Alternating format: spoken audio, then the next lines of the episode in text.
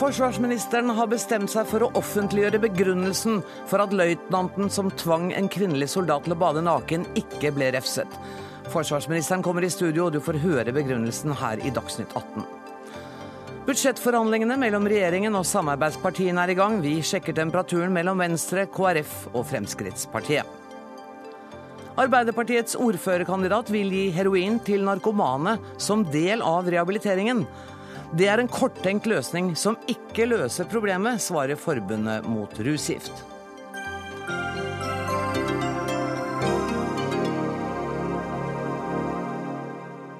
Dette er Dagsnytt 18, der vi også møter mor og datter Ellen og Kjersti Horn, som for første gang skal samarbeide om en teateroppsetning.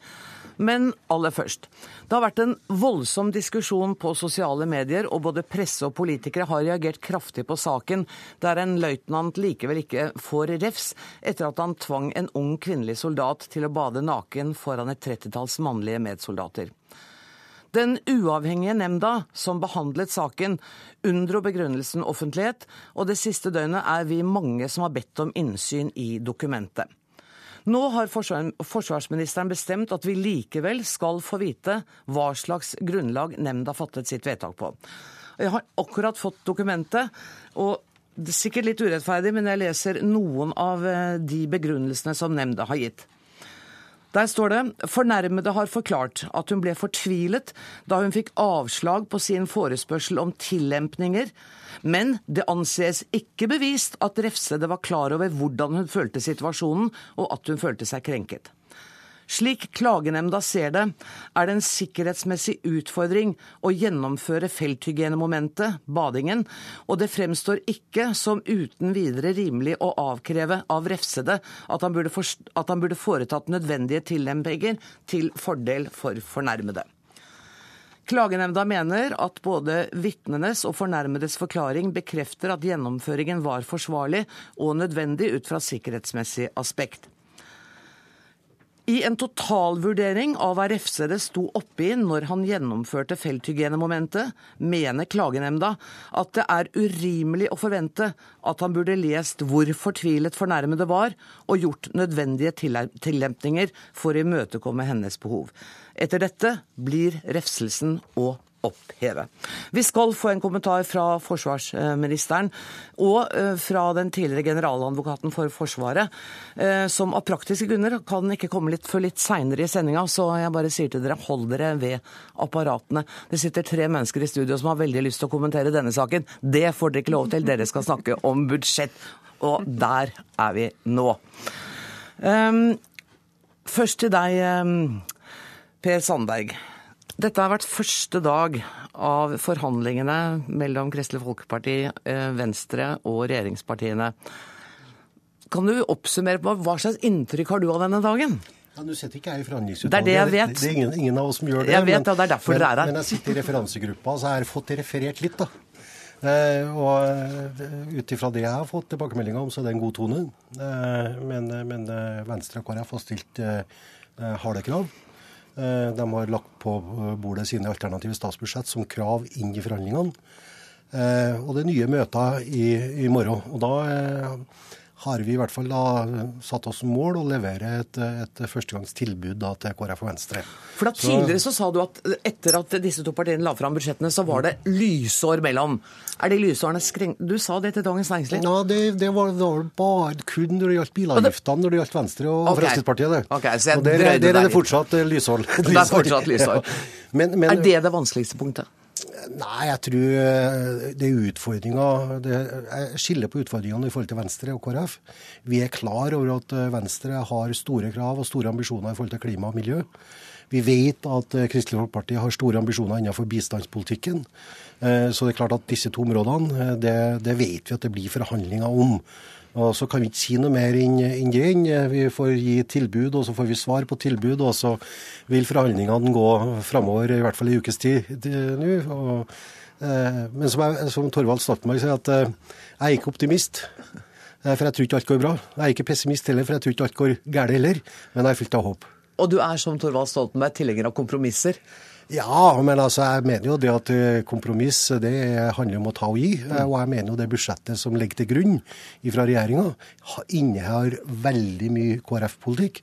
Det innehar veldig mye venstrepolitikk. Mm. Og vi har avtaler som også inneholder store gjennomslag både for Venstre og KrF. Mm. Så, men så skal vi respektere at både Venstre og KrF Vi har vært i denne situasjonen før, vi. At man vil ha mer.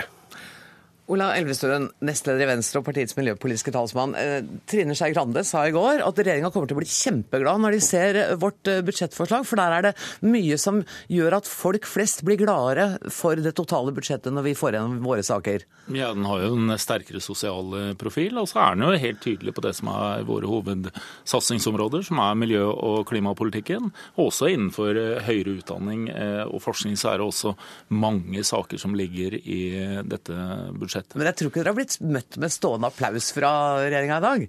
Nei, nå har, vi lagt fram, nå har vi lagt fram vårt alternativ, og så er vi forberedt. Det, det har vi vært helt siden regjeringen la frem sitt uh, forslag. Når vi så det, at det her, og som vi også har sagt, her må, det, her må det være betydelige endringer når det endelige budsjettet skal vedtas i uh, desember. Og spesielt på klima og miljø, så må det være store endringer. Og nå har vi lagt fram vårt alternativ. og... Nå skal forhandlingene begynne. Men kan ikke jeg spørre deg også hva du tror blir den mest krevende saken? Jeg tror det er mange saker som kommer til å bli krevende. Eh, det gjelder både innretningen i skatte- og avgiftspolitikken, det gjelder miljø og klima, som vi har eh, snakket om. Det er også en del innenfor det sosiale feltet som vi må, som vi må ha endringer eh, på. Så det er en helhet i et budsjett. Nå har vi fire, Det er fire partier som har underskrevet en samarbeidsavtale fra i fjor høst. Nå skal vi fylle den samarbeidsavtalen med innhold, og du skal finne et balansepunkt mellom fire ganske ulike partier. Men dere, når dere lager sånne budsjetter, og dere vet dere er samarbeids, et samarbeidspartnerskap. Da ville jeg tenkt, hvis det var meg, det er vi glad for at det ikke er, eh, så ville jeg tenkt at her må jeg lage et budsjett som det er håp om å få igjennom i den samarbeidsavtalen. Men sånn tenker ikke dere? Jo, dette er definitivt. Jeg mener dette er et veldig seriøst stykke arbeid som er Men dere foreslår å kutte dere med kontantstøtten. Dere vet at det kommer ikke til å skje? Vi har laget det som er Venstres alternativ, og det er en helhet, det er en helhet i det. Og så har vi en samarbeidsavtale, det er den som skal fylles med innhold. Bl.a. at du skal ha en forsterkning av klimaforliket, du skal ha en forsterkning av kollektivsatsingen, mm. og på område etter område. Og det er det vi nå skal som fire partier kommer fram til en enighet om hvordan vi skal gjennomføre. Jeg må slippe til Olaug Bollestad før du får ordet igjen, Sandberg. For um, du er stortingsrepresentant for Kristelig Folkeparti. Hvor, hvor langt opplever du at ditt parti står fra Fremskrittspartiet her? Vi var jo tydelige når Høyre og Frp la fram budsjettet sitt, at vi syns det var en usosial profil. Vi syns at en tok fra de som hadde minst i utgangspunktet, og så ga en det til de som hadde mest. Det syns vi var ugreit, og derfor har vi lagd den profilen vi har. Med overgangsstønaden skal være over tre år. Fordi vi ønsker faktisk å hjelpe den enslige forsørgeren i en krisesituasjon. Barnetillegget vil vi fortsatt skal være behovsprøvd, mm. fordi vi mener at de som har en million og halvannen i inntekt, trenger det ikke, men de som har aller minst, trenger det mest. Um, vi vet at vi har ei klode å, forvalte. Vi vet vi sitter med en utfordring på Vestlandet nå i nyhetene i dag, at de vil få større klimautfordringer. Så svaret på mitt spørsmål er at dere går, går, går ganske langt fra Frp? Ja, vi, vi, har våre krav til dette, og vi mener at de er gjennomførbare, de kravene vi har. Og hvis Frp og Høyre også er opptatt av å lage en politikk som er for folk flest, så er ikke den bare for de som har mest, den er òg for de som har minst. Sandberg? Ja, Nå er jeg selvfølgelig helt uenig i den beskrivelsen. Dette er det mest uh, sosiale profil, uh, profilen med sosialt uh, som jeg har vært med på på 17 år. Mm. Men så er det to grupper som kommer skjevt ut. Og, det skal vi ha fokus på. Og det skal, skal, du, det skal, vi, det skal vi forandre på? Det skal vi ha fokus på inn i 2015. Okay. For det er ikke siste ord sagt. Men så er det sånn, og det er helt nødvendige tiltak. Nå har jo også Kristelig Folkeparti og Venstre stemt for det ene, altså uførereformen. Det er jo ikke Fremskrittspartiet alene som har gjennomført den.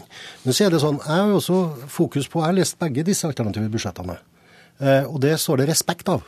Og jeg er helt enig med Elvestuen. Hvert parti som legger fram sitt alternative statsbudsjett, synliggjør sin politikk og sine mm. prioriteringer.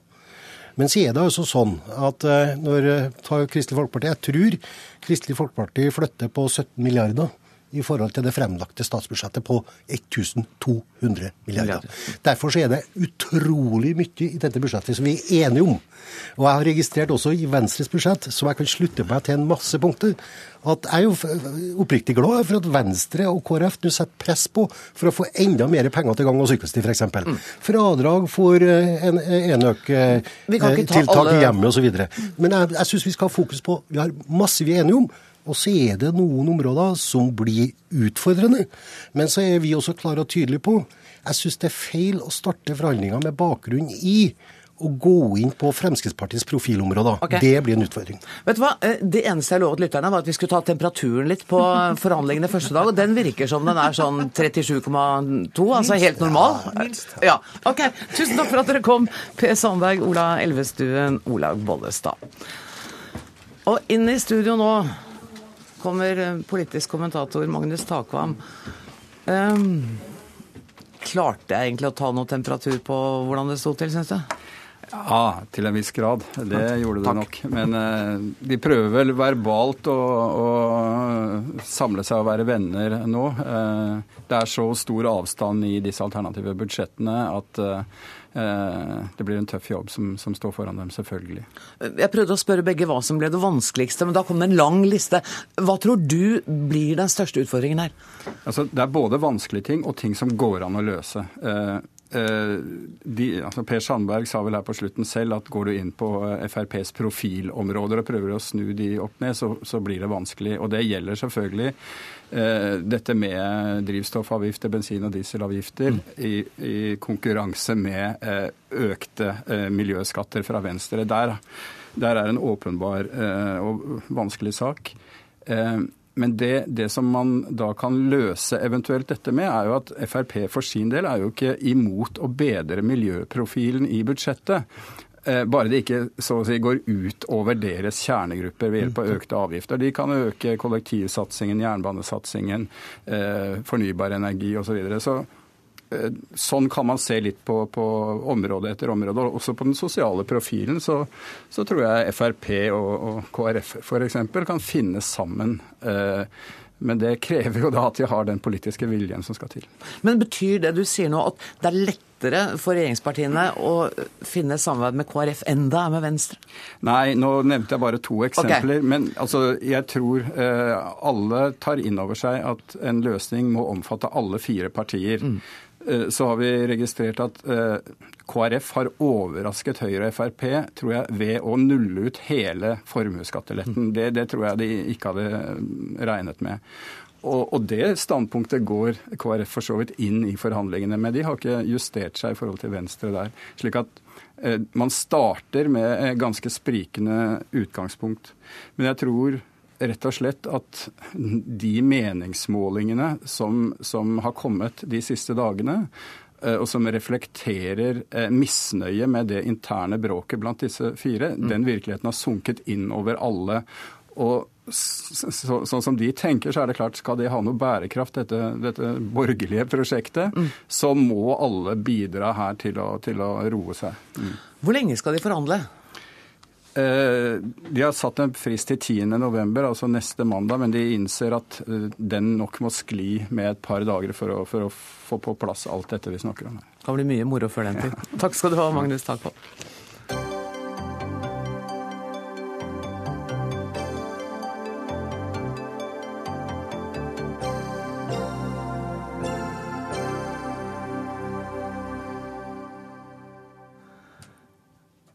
I'm afraid I have to start this in uh, Norwegian, so just be patient with me for a little while. En ung iransk kvinne la ut på nettet et bilde av seg selv uten hijab, og i Iran skjer ikke slikt risikofritt. Likevel har dette bildet blitt en kraftig bevegelse, der tusenvis av kvinner har lagt ut bilder av seg selv uten hodeplagg, og nesten 700 000 kvinner følger Facebook-siden My Stealthy Secret, min dulkte hemmelighet. Journalist Masi Alin, Alina Judd, um, welcome to Norway. Thank you very much. Um, what happened after you posted your first? I know you told this story so many times, but please share it with us.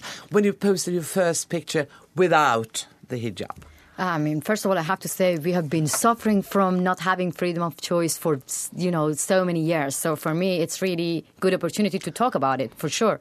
That was the first time that I published a picture of myself without headscarf running in a, in a street in London full of blossoms and feeling the wind dancing through my hair. It might be so simple for you, but for us, then I received a lot of comments from Iranian women inside Iran saying that uh, I wished we had the same freedom. Soon after, I published another picture of myself uh, driving down a road towards my hometown in Iran without headscarf. And I said, Look, I am an Iranian woman, and I know that we do not have freedom of choice, but we know how to bypass the authority. We know how to create the moment of freedom, which is kind of, you know, secret pleasure or something. And if you do have the same experiences, please share with me. And they did. I bombarded by so many pictures of Iranian women without headscarves. Det begynte med at hun tok et bilde av seg selv i Londons gater uten hodeskjerf. Og skrev hvilken frihet det ga henne. Og så skriver da iranske kvinner til henne og sier at det er lett for deg i England, men for oss, vi har ikke den friheten. Så gjør hun det samme i Iran, og får voldsomt med reaksjoner. But doing this in Iran is not risk-free. It is risk being woman in Iran means that you're living in a risky situation all the time. Because all the time, because every day, every day, I mean, you have to fight for your basic right. It's risk when you go out in summer. There are morality police there. So for Iranian women, it's it's not new. Over 35 years, you're fighting for your simple right.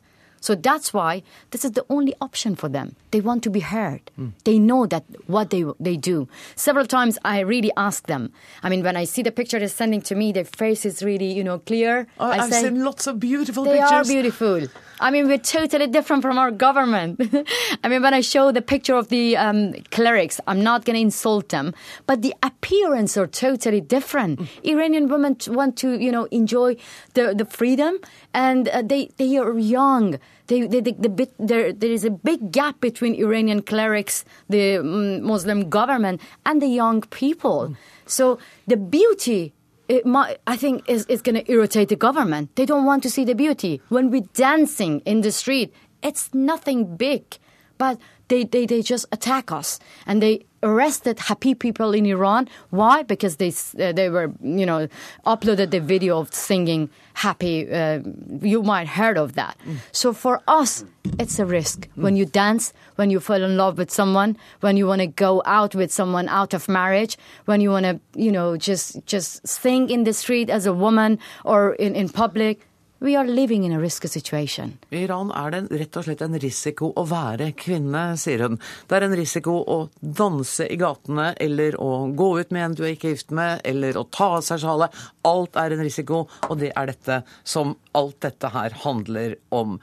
Um, Mahmoud Amiri Mogadam, du er leder for Iran Human Rights, og du følger henne rundt nå. Dere jobber med å fremme menneskerettigheter i Iran, og du samarbeider også med henne. Hva er din reaksjon på denne aksjonen? Absolutt. Altså, denne aksjonen som uh, Massi har startet, handler om uh, eh, menneskeverd. Altså, det, dette er en verdighetsrevolusjon, som vi kaller det. Mm. Hvis du tenker at eh, halve befolkningen i Iran er frarøvet kanskje noe av det mest grunnleggende rett et menneske kan ha. Som eh, små barn begynner å bestemme allerede i alder av fire hva de skal ha på seg, men i Iran kan ikke kvinner gjøre det. Hvis de bryter disse reglene, så kan de piskes. Altså statlig vold. Eh, men er det samme problemet her i Norge? Eh, eh, det er ikke de samme problemene her i Norge, men, men uh, det jeg tenker er at altså, Iran handler ikke hijab bare om kvinner og uh, hårstrå og moralitet, men det handler om regimets autoritet. Mm. De har regler, og de som bryter disse reglene, svekker autoriteten. Men det jeg syns er problematisk, er at uh, verdenssamfunnet ser ut til å ha faktisk uh, akseptert at halve befolkningen i Iran ikke har faktisk mulighet til å velge hva slags klær de skal ha på seg. Okay, so this is much more than just about the hijab. Um, isn't it? Is. it? it is, freedom it of choice. It's freedom of expression. Exactly, because in Norway, I have heard Muslim women say to me that there is a freedom in wearing the hijab, and we choose it. So, is that acceptable to you? You know, I want to live with my mother and sister who wear both, who wear hijab, Ah. together Hmm. in the same place. I don't want to go to Paris if my father, my sister wants to burqa. She is not allowed to study with me. I don't want to go to Iran because I'm not allowed to study with my sister. I want to live in a free country. Whoever wants to whatever, they, they, they should be free. So I'm not talking just about, you know, uh, just feeling uh, wind through the, your hair. Freedom of choice means human dignity, means freedom of expressions, means that they have to respect you, not just uh, you know. You might heard of acid attacks in Iran. yes. The reason, the, re, the, the reason behind acid attack uh, has not be, been confirmed yet. But all we have been heard from um, our uh, some of religious leaders in Iran was just encouraging the youth and Muslim uh, to go to women who do not observe Islamic hijab and use violence against them. Like the, the Friday prayer of uh, Tehran, Ahmad Khatami was saying that uh, if any woman do not, uh, you know, wear fully uh, cover her hair, blood must be shed. This is really dangerous. That's why these women putting their life in danger because they want to be heard. And the you know the rest of the world is so busy with nuclear issue and political issue they ignore us. But Iranian women are not gonna give up and keep silent. And I'm so glad you came to Dagsnytt 18. Thank you so much. Og det hun sa helt til slutt, var at for henne er det viktigste at kvinner og menn får leve i frihet, om de vil gå med hijab eller ikke. Men det er opp til dem, og de skal ikke dikteres. Thank you so much for coming. Thank you for inviting inviting me.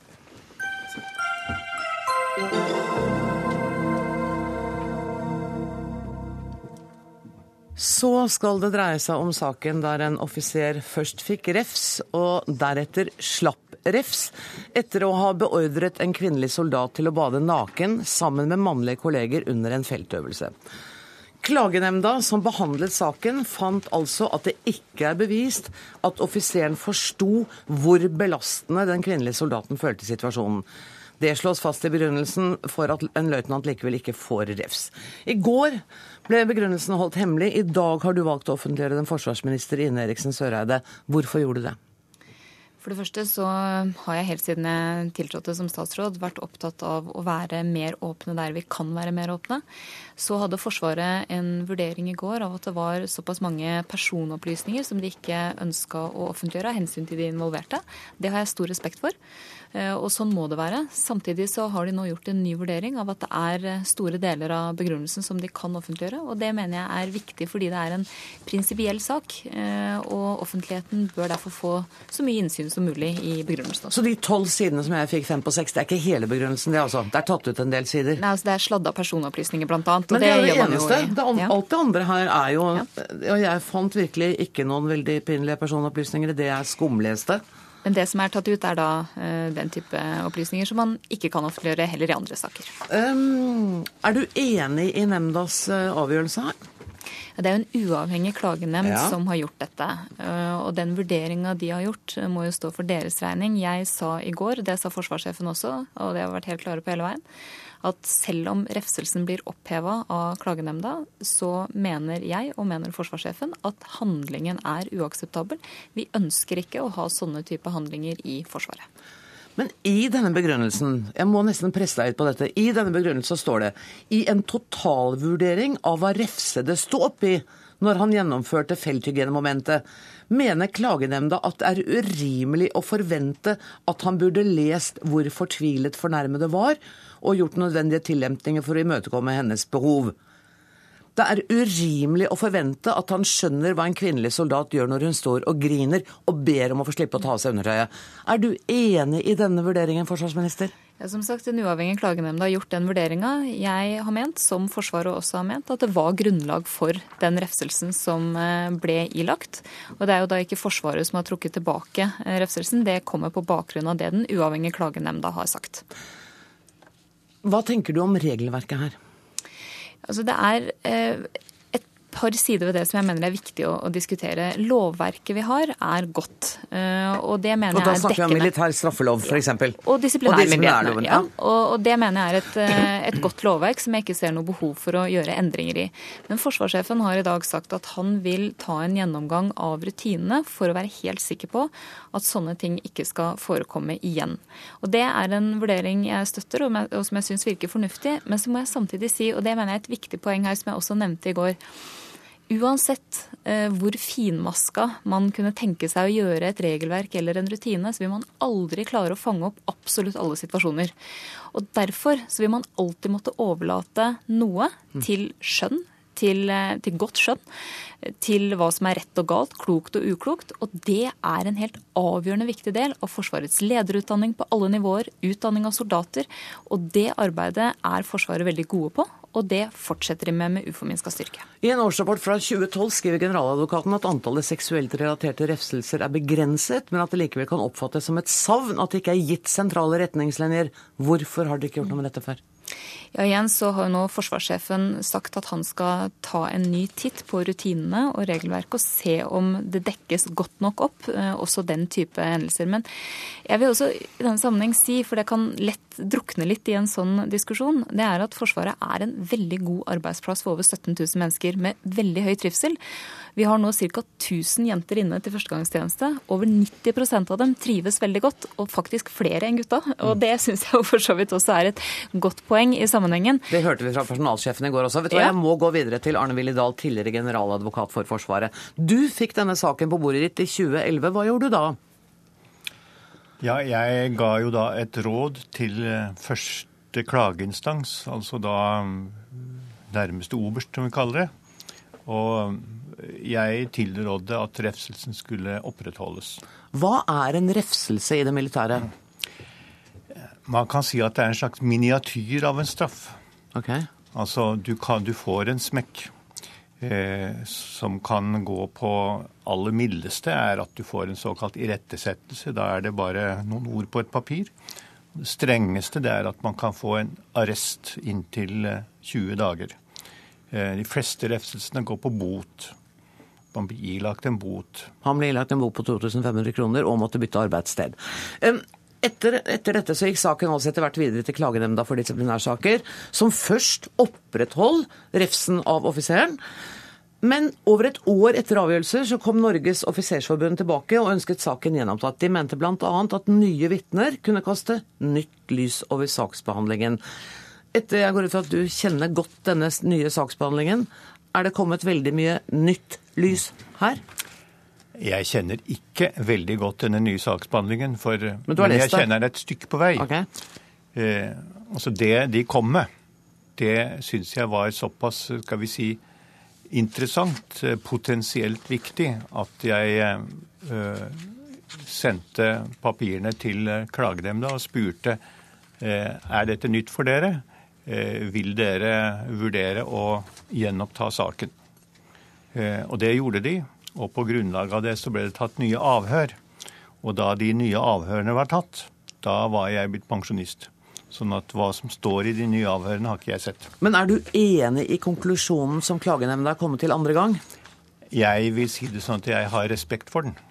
Eh, jeg vet jo ikke om jeg ville vært enig eller ikke enig hvis jeg hadde stupt inn i alle detaljene. Du, oss, la oss ta noen ord om hvordan klagenemnda jobber og hva den er. Fordi at Den består altså av en sorenskriver, eh, en meningssoldat Befalsmedlem og soldatmedlem. Ja. Så vidt jeg skjønner, um, ifølge Ombudsmannsnemnda for Forsvaret, så står det at klagenemnda var delt i synet på saken. Nemndas leder stemte for å oppheve refselsen, mens de to andre, altså en fra de vernepliktige og en stabsrepresentant, stemte for å opprettholde den og da blir den fjernet? Nei, nei. Dette var, okay. dette var det første og det var det vedtaket. Første. ok. Ja. Eh, sånn at nå var det nå enighet i nemnda? Nå var de enstemmige. Hva syns du om nemndas konklusjon? Du sier at du har respekt for den. Betyr det at kvinnelige soldater må i, av hygienegrunner tåle å kle seg nakne? Nei, eh, det mener jeg ikke. Og det jeg tror det er full enighet om at denne hendelsen skal ikke gjenta seg. Det var en helt feil hendelse. Det som er klagenemndas anliggende, det er om denne eh, løytnanten i den situasjonen som han var der og da, burde ha skjønt. Mm. At en gråtende jente gjerne ville slippe å kle av seg undertøyet? Ja, eh, altså her er vi inne i detaljer som ikke jeg kan kommentere om akkurat okay. hvordan hendelsene skjedde. Det skal du slippe, for Alice Asplund er her, og det er din historie som er utgangspunktet for hele denne samtalen. Eh, nå har du hørt jeg har lest så bitte lite av hendelsen, men, men alt de argumenterer med, er hygienehensyn. Ja. Nei, eh, jeg syns ikke man skulle behøve å øve på hygiene når man eh, er på et par dagers felt og vi er voksne mennesker. Og kvinner i Forsvaret, eller jeg også, fikk mulighet til å til å stelle med meg selv i teltet. Det får, det får vi alltid på, på, egen hånd. Så jeg ser ikke behovet for at vi måtte gå ut i det vannet og, og vaske oss nedtil på den korte feltturen. Det gjør jeg absolutt ikke. Ser du behov for regelendringer for å få slutt på dette?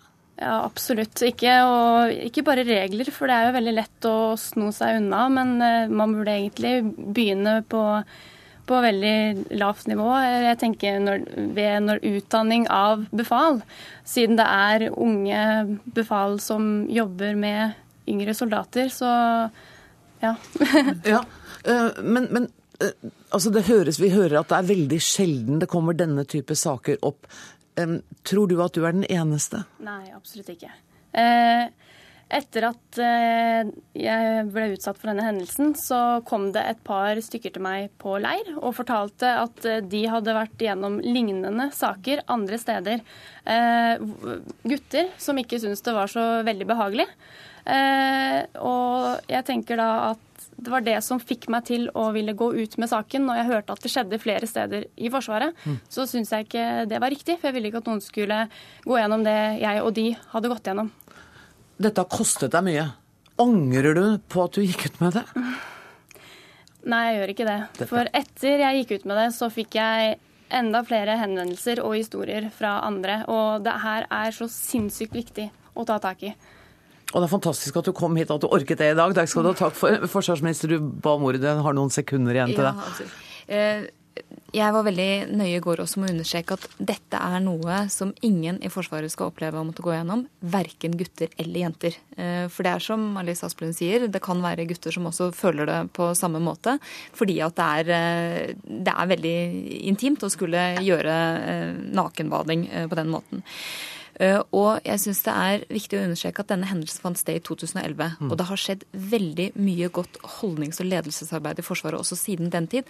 For Forsvaret var jo av den oppfatning at denne hendelsen kunne refses, fordi de ikke ville ha den type hendelser. Og dermed så er kombinasjonen av det, det å oppøve evnen til sunn fornuft, skjønn og ikke minst det at forsvarssjefen også nå ser på om rutinene eventuelt må justeres for å fange opp noe mer av denne type eh, hendelser. Det mener jeg hver for seg og sammen er viktige bidrag for å unngå at dette skjer igjen. Men nemnda syns at hygienetiltak gjør at dette er akseptabelt? Ja, men det synes ikke Forsvaret. Og Forsvaret eh, har vært veldig klare på at denne type handlinger ikke skal forekomme. Tusen takk for at dere kom i studio, forsvarsminister Ine Eriksen Søreide, tidligere generaladvokat Arne Willy Dahl og Alice Asplund, som ikke lenger er i Forsvaret. Takk skal dere ha.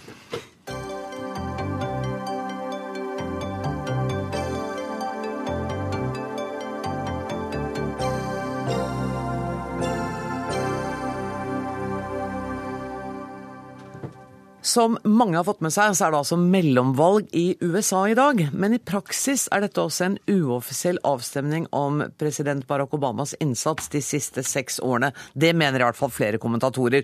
USA-korrespondent Tove Bjørgaas, hvordan henger dette sammen? Det henger sammen med at han er jo blitt veldig upopulær og ligger dårlig an på disse målingene over eh, om folk syns han gjør en eh, god jobb. Men i tillegg så må jeg bare dra et regnestykke for deg. Mm. Siden andre verdenskrig så er det ingen president som har blitt, vært inne i sin andre periode og har hatt eh, sitt eget parti flertall i Senatet, som ikke har tapt det flertallet i det siste mellomvalget. Eh, så det er altså veldig veldig vanlig at eh, det, hvis republikanerne får flertall i Senatet i dag, så er, det, så er det egentlig akkurat sånn som det har vært mange ganger de siste 70 årene. Men hvordan vil du oppsummere valgkampen så langt, da? Den har vært veldig kjedelig, plagsom og veldig, veldig dyr. Dyr og kjedelig, det er dårlig. Dyr og kjedelig, Tove, det er en dårlig utgangspunkt. Ja, for da spørs det hvor mange som eh, orker å stemme. Altså, disse eh, såkalte superpackene, altså disse gruppene som får bruke så mye penger de vil på valgkamp, eh, så lenge de ikke gir penger direkte til kandidater, men i stedet driver svertkampanjer mot motkandidatene deres, mm. har brukt 25 milliarder dollar på, nei, kroner unnskyld, på å spesielt spy ut TV-reklame. Som jeg tenker, hvis jeg hadde vært velger, ville få meg til å føle meg ganske dum. Så det er egentlig ganske nedslående.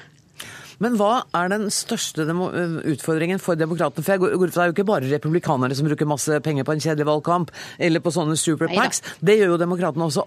Hva er det som gjør at de ikke får det til? Det er uh, flere ting, men akkurat en ting vi skal huske på er at de, de i Senatet som, som, er på valg nå, de ble valgt for seks år siden, da mm. Obama ble valgt i 2008. Da stemte masse mennesker, da stemte mange svarte og unge. Og det var en historisk valgdeltakelse. Det vil det ikke være i dag. Så de har det tøffere. Men så er det jo det at, at verken, altså Obama har jo ikke klart å gjennomføre mye av det han lovet velgerne. Og han har også møtt en ekstrem motstand. og polariseringen i amerikansk politikk vil jeg si er egentlig enda større nå enn den var under president Bush. Mm. Eh, og det er jo en grunn til at folk er lei og på en måte ser seg om etter andre alternativer. Det er jo bare to alternativer. Det er jo kanskje det som er problemet. Uh, Tove, kan ikke du henge med oss uh, hvis du har tid? Uh, fordi jeg har Helene Megård i studio. Nord-Amerikaviter og en av personene bak nettstedet amerikanskpolitikk.no. Polariseringen er enda sterkere, sier Tove. Er du enig i det? ja, det er jeg for så vidt enig i. Men, men slik jeg ser det, Obamas største problem eh, per i dag, er at han får motstand fra alle hold. Han får den ventede motstanden fra det republikanske partiet, som, som misliker eh, Obama nærmest uansett hva han gjør. Men så får han også motstand fra sine egne, som er da dypt skuffet eh, over, over, Obamas eh, tid i Det hvite hus. Hva er det de er så skuffet over, da? Han har jo prøvd å få til denne helsereformen. Eh, og han har jo prøvd å være liksom til stede når det skjer noen ting. hvor gikk det gærent? Nei, altså De er jo eh, skuffet over at han ikke har stått lenger til venstre. Altså Man håpte jo endelig at man da hadde fått en av sine egne inn i Det hvite hus.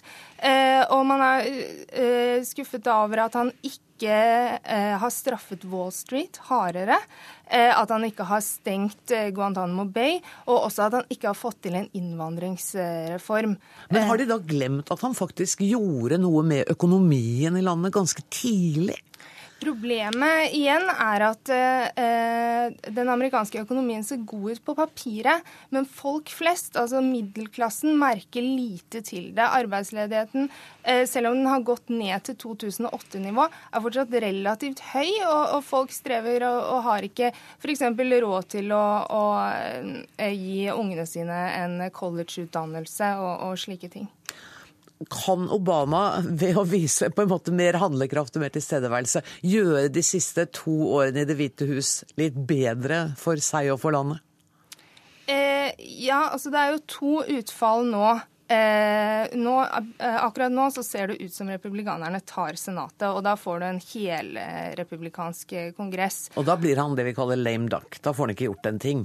Eh, ja, de vil i hvert fall prøve. Men altså, eh, man tenker seg at Eh, presidentvalget i 2016 kan virke disiplinerende på republikanerne.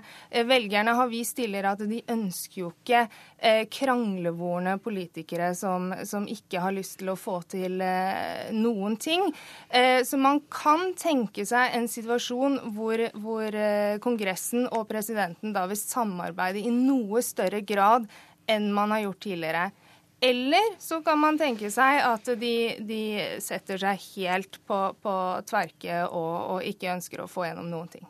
Hvordan tror du stemningen i den demokratiske leiren er nå, med tanke på det som kan komme om to år? De er jo lenger nede enn de har vært på en stund. Altså, eh, Det man kan si om kongress, eh, eller kongresspolitikk, er at Det demokratiske partiet eh, eh, le, altså dominerte Kongressen eh, fra ca. 1950 og til 1997. Men etter det så har man da hatt mye oftere skifte. Mm.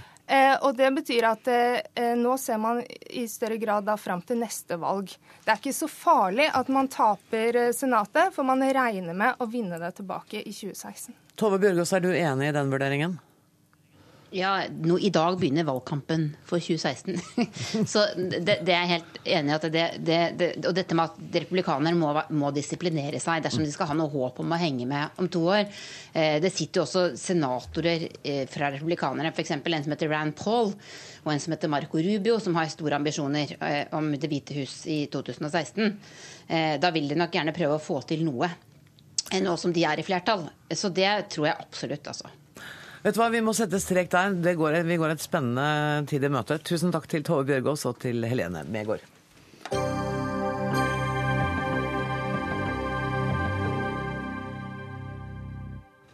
Ved å si ja til eh, heroinassistert behandling avkriminaliserer vi den siste straffbare sykdommen. Det skriver du, Tone Tellevik Dahl, nestleder i Sagene Arbeiderparti og foreslått eh, ordførerkandidat i Oslo. Du skriver det i en kronikk eh, her på NRK Ytring. Hva mener du med det? Jeg mener at det prinsipielt sett burde være slik at mennesker, uavhengig av sykdom, burde få den beste medisinen som finnes på markedet for å bli bedre. Men vi ser i Norge at mennesker med rusavhengighet de blir forskjellsbehandlet. Der kommer vi politikere inn og skal liksom votere over hva slags medisin de skal få og ikke. Hvor mange mennesker gjelder dette, tror du? Eh, det er ikke alle som kan passe til en heroinassistert behandling. Det er helt, helt klart. Det er de aller, aller tyngste brukerne. Og det skal ganske mye analyse og kartlegging til før man kan si at en person med heroinavhengighet er kvalifisert til et slikt program. Så i Oslo så kan man kanskje si at det er 100-150 personer. Men jeg er ikke så opptatt av tallet. Jeg er mest opptatt av at vi skal forhindre at mennesker dør, og at mennesker får, skal få en god behandling av det verdens beste helsevesen. Men ikke engang du mener at dette er noe vi skal sette i gang med i morgen? Nei, altså jeg foreslår eh, overfor mitt parti at vi skal sette i gang et prøveprosjekt. Mm. Det er veldig mange land i Europa som allerede har eh, prøvd dette ut i mange mange år, med veldig gode resultater. Syv land med litt varierende resultater, etter det jeg har lest? Litt varierende resultater, ja. men uh, år for år så blir man altså bedre og bedre til å finne ut hvilke uh, mennesker som passer for denne type behandling, og da får man også bedre resultater i den andre enden. Knut Reinås, leder i Forbundet mot rusgift. Hvorfor er dere så negative til dette? Vi Eh, for det første så er det jo klart at eh, heroin er et mulig substitusjonspreparat. Det har jo disse landene vist. Eh, men i Norge så har vi jo veldig stort underskudd på innsats innenfor LAR-behandlingen. Altså legemiddelassistert rehabilitering? Ja, med mm. metadon og Subutex og Subuxone. Der er det veldig mye mer å gjøre. Og heroin er jo et korttidsvirkende preparat slik at du må faktisk inn en eh, to, tre, fire ganger i løpet av et døgn for å kunne få de dosene du trenger.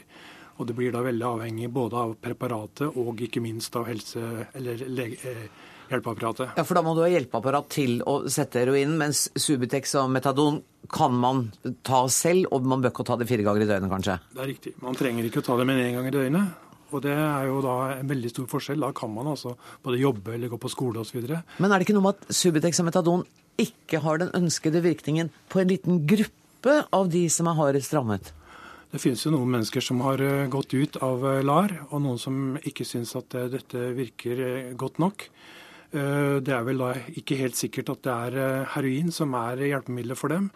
Men hva da? Nei, altså det, Man kan jo tenke seg f.eks. at de kan få en, et LAR-tilpasset institusjonstilbud, f.eks. Det har de ikke i dag.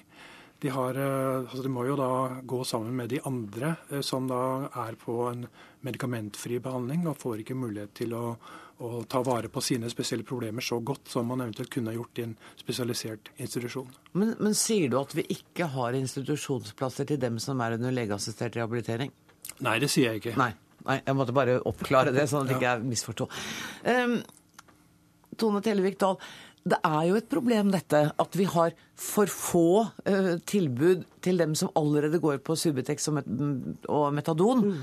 Og så vil du liksom bruke en masse penger på uh, helsevesenet, oppfølging og heroin til en liten gruppe som kanskje heller ikke har nytte av det?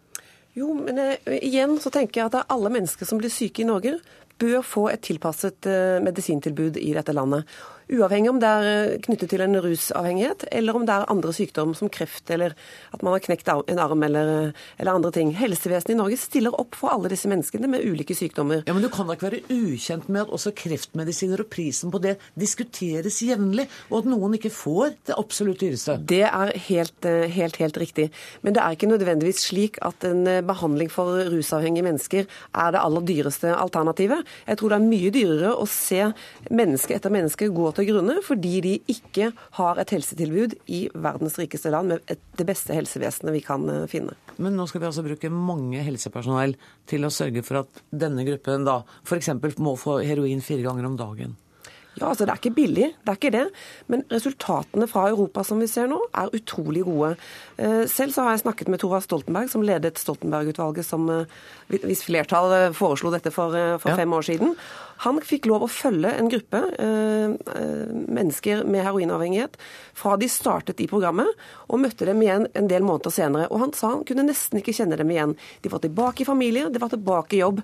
De var altså fungerende mennesker med mye høyere livskvalitet enn når de bare gikk på gata og tok heroin. Men ditt eget parti har behandlet dette spørsmålet og sagt nei? Mm. Det er helt riktig. Men jeg tenker eh, vi må jo ikke gi opp bare fordi at på et tidspunkt i, i historien så sier man nei til, eh, til gode forslag. Stortingsgruppa til, Den nåværende stortingsgruppa til Arbeiderpartiet har vært positive til eh, prøveprosjektsøknaden fra Helse Bergen bl.a. Ja, det har det nok. Men den tidligere helseministeren, som het Jonas Gahr Støre, var ikke så interessert i å gå inn på dette forslaget? Det, det, han fremmet ikke forslag om det, det, det, er helt riktig. Men jeg vet ikke om nødvendigvis han var så veldig imot. Eh, vi må diskutere dette. og Jeg mener at, at LAR-behandlingen generelt er altfor snever. Det er altfor mange mennesker med en rusavhengig sykdom som ikke får behandling selv i LAR. Og da mener jeg vi må tørre å bruke andre typer virkemidler eh, og medikamenter som kan passe bedre for de som ikke kommer inn i dag. Er dette noe du kommer til å ta opp på, eller kommer det opp som tema på landsmøtet neste år? Ja, det, det gjør det. Eh, både jeg og mitt lag, og jeg håper også at Oslo Arbeiderparti etter hvert vil støtte forslaget. Eh, jeg skal prøve nå først på programmøtet eh, i november i mitt eget parti, og så kommer vi også til å foreslå det for landsmøtet i april. Knut Reinhaus, se for deg at Arbeiderpartiet kommer til å gå inn for dette, og se for deg også at Arbeiderpartiet får regjeringsmakt og dette kan bli en realitet, hvor bekymra vil du være da? Jeg vil være bekymret først og fremst fordi at uh, LAR er underdimensjonert sånn som den er i dag, og trenger en veldig sterk opprustning, ikke minst på rehabiliteringsdelen. Hvor uh, ikke minst kommunene har et veldig stort uh, ansvar og utfordring for å kunne følge det opp. Og Hvis man mener at man som et lettvint tiltak for en ja, 100-150 mennesker skal kunne liksom si at nå har vi gjort nok på narkotikafeltet, så er jeg veldig bekymret. Men jeg tror dere er helt enige om at hovedhensikten her er å hindre flere narkotikarelaterte dødsfall. Dere er bare litt uenige om veien dit? Ja, men hvis du nå ser på eh, altså overdosedødsfallene, så har det jo også vært en reduksjon på ca. 50% siden eh, toppen rundt eh, år 2000, etter at metadonprogrammene ble innført. Slik at det har hatt en veldig sterk virkning på det. Eh, sånn at jeg tror ikke det at dette vil ha en vesentlig ekstra betydning for overdosedødeligheten. Men er du villig til å akseptere at man begynner å utrede det, se på mulighetene og finne ut om dette kanskje kan egne seg? Det er jo allerede utredet i flere sammenhenger. Stoltenberg-utvalget. Eh, man hadde en egen kommisjon som mm. så på dette med, med heroinassistert behandling. Og i høringsuttalelsene var det også helt klart at det var en veldig stor negativ majoritet som ikke ønska at dette skulle gjennomføres. Tone Tellevik Dahl, dette kommer i hvert fall til å skape engasjement på mm. landsmøtet. Og ellers, tusen takk for at dere kom til Dagsnytt 18, Tone Tellevik Dahl og Knut Reinås.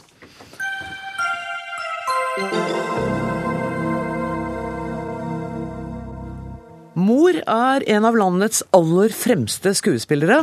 Datter er prisvinnende regissør og en av Norges dristigste.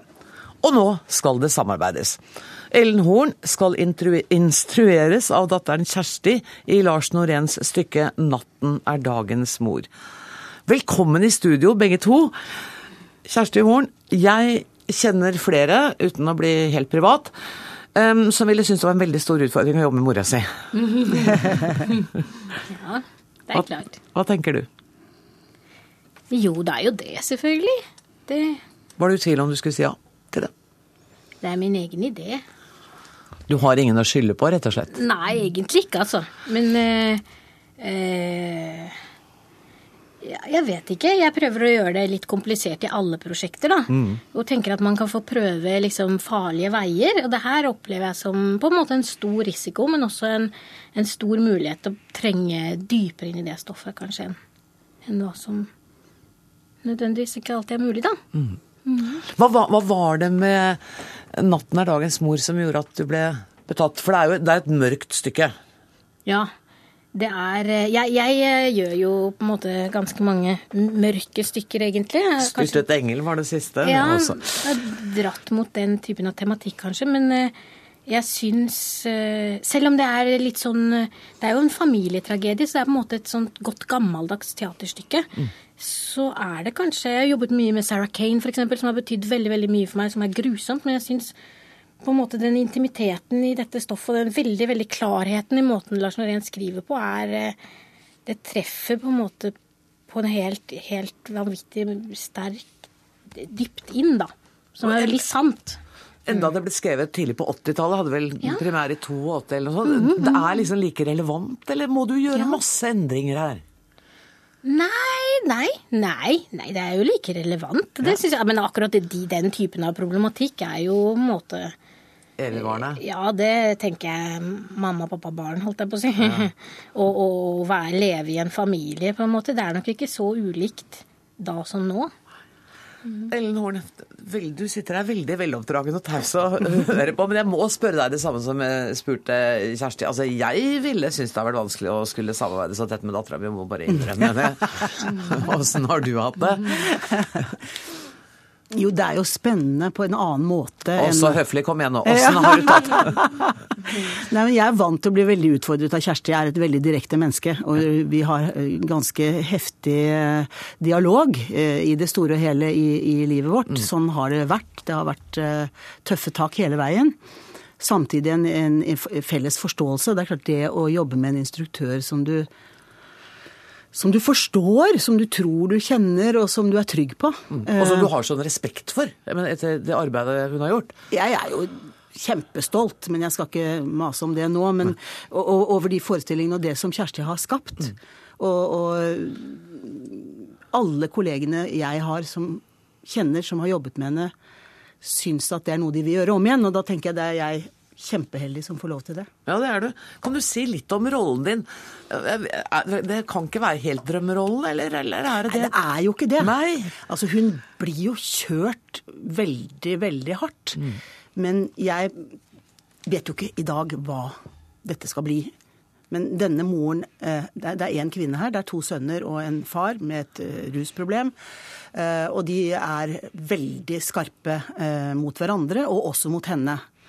Og hun blir dengt og slått og utfordret og kjørt. Og jeg tenker at vi alle så prøver vi jo å få familiene våre til å ha det godt, uansett om det er opp- eller nedturer. Og det føler jeg jeg vet ganske mye om, og det tror jeg mange kjenner seg igjen i. Og jeg er en veldig stor optimist. Så jeg velger også å se hennes eh, ønske om å lykkes da som mor, også å få disse barna Jeg tror hun forguder den yngste sønnen sin og er med på lag kanskje med den eldste og er glad i mannen sin, men det går litt uh, Dårlig. dårlig. Uh, og det er jo kjempeutfordrende å spille. Ja, utrolig. Eh, Kjersti, er det, er det sånn at du, hvordan jobber du? Ser du andre oppsetninger? Går du på YouTube og ser hvordan andre har gjort det, eller tar du teksten bare til deg og jobber helt ut fra deg sjøl? Jeg har jo sett det, det er jo en liksom, ikonisk fjernsynsteateroppsetning Ja. blant annet, som jeg har sett på. Og jeg har vært og reist og sett det også, hvor det spilles jo noen steder nå. Eh, Vi så det jo i Göteborg. Vi så det i Göteborg, ja. Men eh, jeg er blitt veldig overrasket når jeg faktisk har gått inn i teksten selv og gått inn i hele verket, fordi det blir jo bearbeidet. Sånn er det med alle teaterstykker. Men når man leser hele verket hans, så er det mye mer ekspresjonistisk, da. For det er jo på en måte en eh, sånn kjøkkenbenkrealisme som det er veldig knyttet til, da, nesten som en klisjé. Men det er jo mye mer sånn voldsomt og gærent skrevet, da.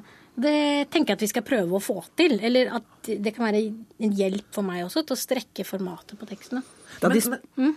Nei, jeg skal bare spørre, Er det, er det, er det teaterstykket som, som, kan nå bredt, eller er dette liksom for litt uh, den intellektuelle eliten? Bredt vil jeg si. På, på, på 80-tallet så spiltes jo dette på svensk TV, og da var det jo folkeunderholdning. Jeg husker det. Eh, og det, det, det, er også veldig komisk. Altså Så tragikomisk som bare liksom, den mest intime sfære kan være. da. Den der når du sitter og ler, og så kommer klumpen i halsen, ja. og så griner du nesten. Og så spyr man nesten. Ja, nettopp, ja. Det er jo da teater er på sitt aller, aller beste. Og jeg så det med Toralf Maurstad og Ingrid Vardun spilte moren da jeg oh, så det oppe på Amfiscenen. Det har ikke jeg sett. Åh, det var jo så fantastisk, og det var ikke mulig å få billetter. Så for meg så er 'Natten er dagens mor' liksom et stykke som jeg virkelig ønsker å se om igjen, og nå skal jeg da være den som står der og gjør det. Og med dattera di som sjef. altså Vi skal ikke bli veldig private, vi vet at dere hater det begge to. Men, men Kjersti, det, jeg har i hvert fall det siste døgnet tenkt mye på hvis datteren min skulle liksom kommet og fortalt meg hvordan jeg skulle opptrådt i studio, hva jeg skulle si, hvordan jeg skulle sitte hver Jeg hadde drattla. Mm, ja, det er jo en vanskelig rolle å sette seg i, da. Jeg har jo tenkt litt på om det var direkte uetisk og slemt da, å be henne spille den rollen. Ja, Men seriøst, så har jeg lurt på Har du det? Ja, fordi det er ikke noe koselig. Det er ikke noe koselig rolle. Eh, det er ikke noe koselig familie. Det er en familie som er syk, på en måte. Eh, på grunn av at ett familiemedlem er sykt, mm. og er en magnet som tar alles oppmerksomhet, på en måte. Det er ikke noe det blir jo ikke noe hyggelig, det er jo ikke noe hyggelig prosess. Men alle teaterprosesser er jo litt grenseoverskridende i seg selv, uansett om det er foreldrene eller kjæresten eller Det er ikke så uvanlig at eh, regissører jobber med familiemedlemmer, for å si det sånn. Det har skjedd før. Det har skjedd før. Mm. Ja, Kanskje litt mer uvanlig at det er datteren som er regissør, og mammaen som er Skuespilleren? Ja. Hva var det som gjorde at du til slutt bestemte at det ikke var uetisk å be mora di gjøre dette? Jeg er ikke helt sikker på det fortsatt. jeg. jeg må si at min mor drev en restaurant. Altså I 1958, omtrentlig på den tiden da dette stykket ble skrevet, så åpnet hun restaurant på Tjøme. Og jeg har vokst opp i et restaurantkjøkken. Og bakgrunnen for dette stykket er jo dette kjøkkenet. Mm. Og det å drive en restaurant og overleve og få endene til å møtes og få handla inn det du skal. Så jeg har så veldig mye som jeg kjenner meg igjen i. Mm. Og i tillegg så er det jazzen som er et sterkt element i, i, dette stykket. Som du også har et sterkt forhold til? Eller det begge to har? Som jeg også har et sterkt forhold til. Og så har jeg bare noen helt fantastiske kolleger. Jeg har veldig lyst til å si ja, det. Absolutt. Unnskyld. Ja. Altså det å jobbe med Terje Strømdal, mm. som da skal være faren, som er jo den store, sentrale rollen som alt spinner omkring. Han er en skuespiller som jeg har beundret i alle de år, og som jeg gleder meg til. Også de to gutta. Ja, Hvem er det? Glenn André Kåda, som spilte Per Gynt i, i Kjerstis oppsetning i Stavanger, og Emil Johnsen, som spilte i Natt Nei, i, i, i, i Styrtet, engel. Styrtet engel. Og så spiller de Fritz Moen. Ja, og nettopp mm. så spiller også i mm. Fritz Moen. Mm. Dette her høres ut som en helt usedvanlig bra gjeng. da. Når, er, når er det premiere, egentlig? 10. januar.